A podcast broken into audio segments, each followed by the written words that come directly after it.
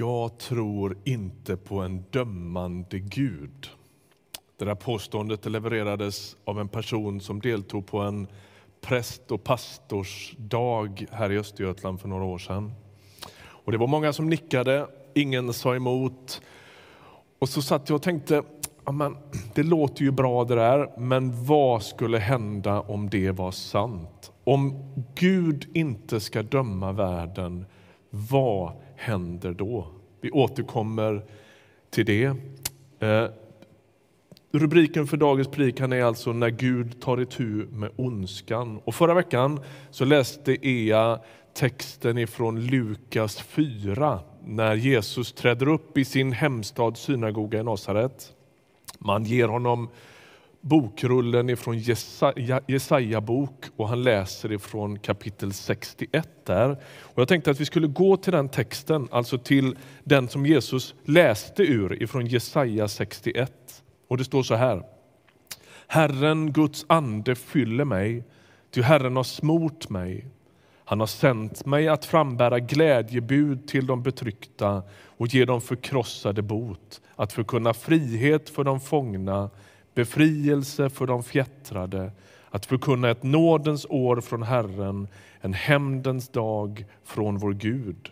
Att trösta alla som sörjer och ge de sörjande i Sion huvudprydnad istället för aska, glädjens olja istället för sorgdräkt, lovsång istället för modlöshet. Vi stannar där. Jag läste de två och en halv första verserna i den där texten. Man både känner igen sig och inte känner igen sig när man läser det här. Jesus texten eller berättelsen i Lukas 4, den har vi ju lite koll på. Men det är ju, jag vet inte om du märkte det här, men Jesus slutar ju läsa mitt i den här texten. Mitt i budskapet om vad Gud ska göra. Varför gör han det? Han läser om ett nådens år från Herren och där slutar han. Och nästa bisats i den här meningen är en hämndens dag från vår Gud. Varför läser han inte det? Därför att allt har sin tid. Jesus kom, sa han själv, inte för att döma världen utan för att rädda den. Och profetian i Gamla testamentet talar också om en framtida dom. Det kommer en slags hämndens eller domens dag ifrån Gud. Det är någon som har förklarat profeternas perspektiv ungefär som när man betraktar en bergskedja på långt håll. Det ser ut som att alla de här bergstopparna ligger på samma ställe, men ju närmare man kommer och när man står mitt i så inser man att det är ganska långt ifrån de här, eller mellan de här olika bergen. Och Det verkar som att profeten inte alltid riktigt har koll på perspektiven. De ser en massa saker i framtiden men vet inte riktigt hur långt det är mellan de här. De betraktar liksom bergskedjan på håll. Och när Jesus står mitt i det här, då bryter han den här texten mitt i Jesajas profetia. Perspektiven ser annorlunda ut där han står. När Bibeln säger att Jesus kommer snart kan det verka svårt att tro på det. Vad då snart? Hur länge kan någonting heta snart? Men det ska förstås som att nästa stora sak Gud gör i historien är att liksom, det tunna höljet mellan den synliga och den osynliga världen försvinner och alla ska förstå det som redan är ett faktum, nämligen att Jesus är Herre. Han kom, han delade våra villkor, han dog, han uppstod, han steg in i himlen, han gav oss anden och därmed var församlingen född. Och nästa stora sak i historien är att han kommer igen. Nu ska vi läsa en text från Uppenbarelsebokens 19 kapitel. Hur går det då till när Jesus ska göra upp med ondskan? Jag ska läsa från kapitel 19 i Uppenbarelseboken och verserna 11 till 16. Det är Johannes, eh, lärjungen Johannes som får en syn på ålderns höst. Han sitter i ett straffläger på en ö i Medelhavet som heter Patmos. Och så får han visionerna som blir Uppenbarelseboken. Och han skriver så här. Och jag såg himlen öppen och se en vit häst. Han som satt på den kallas trovärdig och sann och han dömer och strider rättfärdigt. Hans ögon var som eldslågor, på huvudet hade han många kronor och på honom var ett namn skrivet som ingen känner utom han själv. Han var klädd i en mantel som doppats i blod och hans namn är Guds ord. De himmelska herrarna följde honom på vita hästar och de var klädda i skinande vitt linne. Och ut ur hans mun kom ett skarpt svärd som han ska slå folken med och han ska valla dem med en stav av järn och han ska trampa vinpressen för Guds allhärskarens stränga vredesvin. Och han har ett namn skrivet på manteln och på låret, konungarnas konung och herrarnas herre. Himlen öppnas, säger Johannes, och vad ser vi då? Det är egentligen fel fråga. Frågan är, vem ser vi då? Därför att Uppenbarelseboken handlar inte främst om saker, bilder, platser, tidsaxlar eller tempel. Utan de handlar, texten handlar hela tiden om Jesus. Och varje gång som det står att himlen öppnas, det återkommer med jämna mellanrum i Uppenbarelseboken, så blir Jesus synlig. Varje gång. På palmsöndagen, som vi ju firar nästa söndag, då red Jesus in i Jerusalem på en åsna. Och åsnan är ju ett tecken på fred och frid. Han kommer som en fridens furste, inte för att döma. Men nu, i Uppenbarelseboken 19, så kommer Jesus ridande på en häst. Och för samtida läsare, för den som läser detta på 90-talet efter Kristus, så är det alldeles uppenbart en tydlig bild av en krigare. Han kallas trovärdig och sann. Och Samtidigt står det här att ingen känner hans namn. Och Det där är ett sätt att säga ja, men han står inte under någon annans kontroll. Han ägs inte av någon. Och så träder Jesus liksom in på scenen sittande på sin stridshäst men det är någonting som är väldigt konstigt med den här texten och det är att det aldrig kommer någon strid. Han kommer rustad till strid, men det utspelas aldrig någon egentlig strid i texten. Varför är det så?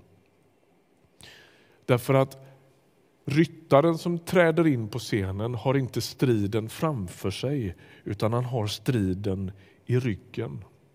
Hela Nya testamentet påminner gång på gång om att den avgörande striden, den står inte i framtiden. Den stod på ett romerskt kors utanför Jerusalems murar vid vår tideräknings början. Han avväpnade härskarna och makterna och han utsatte dem för allas förakt när han triumferade över dem genom Kristus, säger Paulus.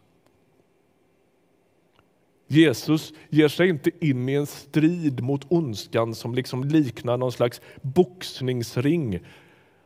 Han kommer inte in mm, mm, liksom, i, i, i envig med någon slags likvärdig motståndare där utgången är lite oviss. Nej, han kommer dit som den som redan har vunnit. Nu ska domen förverkligas, vilket också sker.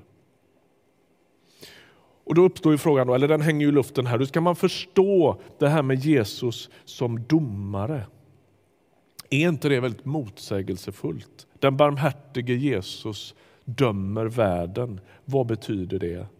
För oss är ju talet om en dömande Gud ofta väldigt problematiskt. Och vi stämmer gärna in i den där uttalandet på präst och pastorsdagen. Nej, nej, nej, jag tror inte på en sån Gud. Sån är inte min Gud. Men ingenstans i Bibeln beskrivs Guds rättvisa som ett problem. Utan Guds rättvisa är någonting gott och det är någonting som skänker tröst till människor. Förr eller senare ska Gud döma rättvist. Vi hör ju väldigt ofta den här frågan, hur kan så mycket ont hända utan att Gud bryr sig? Varför gör han inget åt ondskan? Och Uppenbarelsebokens svar det är att han visst bryr sig och att han visst kommer att döma ondskan. Han som är trovärdig och sann ska döma helt rättvist i varje mänskligt öde, i varje konflikt, i varje övergrepp, i varje orättvisa. Och han är den enda som kan göra det. Det är väldigt uppenbart när man läser den här texten lite större i sitt sammanhang att, att den stora poängen med, eller det finns två liksom, um, inte så här, eh, skäl till varför Jesus är den som ska göra detta. För det första är det för att han är den han är. Ingen annan i hela universum förmår döma. Alla som har provat att döma mellan en i en konflikt på en skolgård eller mellan två syskon som bråkar om glassen vet hur omöjligt det är att reda i vem som började och vilka bevekelsegrunder som finns. Det är nästan kört i varje liten, liten konflikt. Det är bara han som kan. Vi kommer till det andra skälet till varför det är just han som ska döma. Budskapet om en Gud som sett all orätt, alla övergrepp och all ondska, det är ett gott budskap. Om Gud inte dömer ondskan, då får vi verkliga problem med vår gudsbild. Om Gud inte bryr sig om de hundratusentals människor som blir slaktade i Rwanda, om kriget på Balkan, om förödelsen i Syrien, om förintelsen, om våld i nära relationer, om sexuella övergrepp. Om Gud tittar åt ett annat håll, vem är han då? För Uppenbarelsebokens mottagare fanns det tröst i orden att Gud skulle döma. Vad står det sen i den här texten? Vers 13. Han var klädd i en mantel som doppats i blod. Är inte det konstigt? Striden, han kliver in på scenen på sin stridshäst men manteln är redan blodig. Vems blod är det? Är det djävulens blod? Är det diktatorernas blod? Han är ju ändå domaren. Är det så att Jesus till sist är en slags klassisk apokalyptisk superhjälte som mosar sina motståndare? Nej. Jesus kommer till striden, eller till domen rättare sagt, inte till striden, till domen klädd i en mantel som redan är blodig, men det blodet är ingen annans. Blodet på manteln är hans eget. Jesus besegrar makterna när han dör. Och det är med den striden i ryggen som han rider in på den här scenen.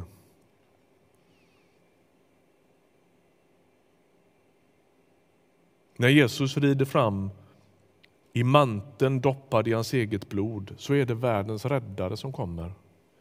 När han ser ditt liv så ser han på det livet i barmhärtighet. Han önskar att du skulle sätta tro till det som han har gjort. Att du ska inse att det är precis här räddningen för ditt liv finns. Men frågan hänger kvar här nu då. Hur går den där domen till? Det är bitvis oklart. Men det vi vet är att Gud tar våra liv och våra val på allvar. När Jesus ska dra ihop hela historien, stänga igen böckerna och ställa allting till rätta, då ska hela tillvaron vägas, också våra liv. Texten om domen den säger därför att alla människor ska se den här märkliga krigaren i ögonen. Han som bär en mantel dränkt i sitt eget blod och stå till svars för hur man har levt sitt liv. Hör nu vad jag säger. Vi räddas av tron på Jesus, inte på no av något annat skäl. Och Samtidigt är det så att alla människors liv ska vägas av honom som är både nåd och sanning. Han som heter vad stod det här? Hans namn är Guds ord och han är trovärdig och sann. Jag tänker på alla makthavare i världen som gång efter annan missbrukar sin makt för att skövla andra människor. De ska få se in i ögonen på den människa eller den varelse, den, den person i hela tillvaron, i hela universum som har, äger mest makt och som har använt den för att spilla sitt eget blod och säga vad gjorde du med din makt? Jag läste förra veckan om glädjebud till de fattiga, befrielse för de fångna, syn för de blinda, frihet för de förtryckta och ett nådens år från Herren. Det där bryter in när Jesus börjar, när han kommer till jorden. Men här kommer det att bryta fram fullständigt. Inga störningsmoment. Världen med dess mörker, med dess orättvisor, med dess offer och flyktingar, krigshärdar och personliga tragedier ska vägas och de ska dömas. Men kom ihåg, de döms inte av en cyniker. De döms inte av en maktmissbrukare. De döms inte av ytterligare en superhjälte. De ska läggas och vägas i en hand som blöder. Låt oss be tillsammans.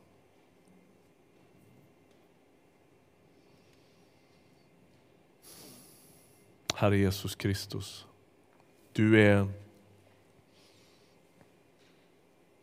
Ingenting är så annorlunda som du. När alla andra är så förutsägbara, när alla vi människor på ett eller annat sätt blir missbrukare av makten så kommer du och lägger ner ditt liv. Du rider in på världshistoriens slutscen med manteln doppad i ditt eget blod. Vi böjer oss inför dig. Vi böjer oss inför din vishet, inför din godhet, inför din barmhärtighet. Tack att du ska knyta samman historien. Tack att varje övergrepp, varje skövlad gräns, varje trasad integritet ska upprättas. Tack att du med din varsamma hand, med din barmhärtighet, med din blödande hand ska ställa allting till rätta. I Jesu Kristi namn. Amen.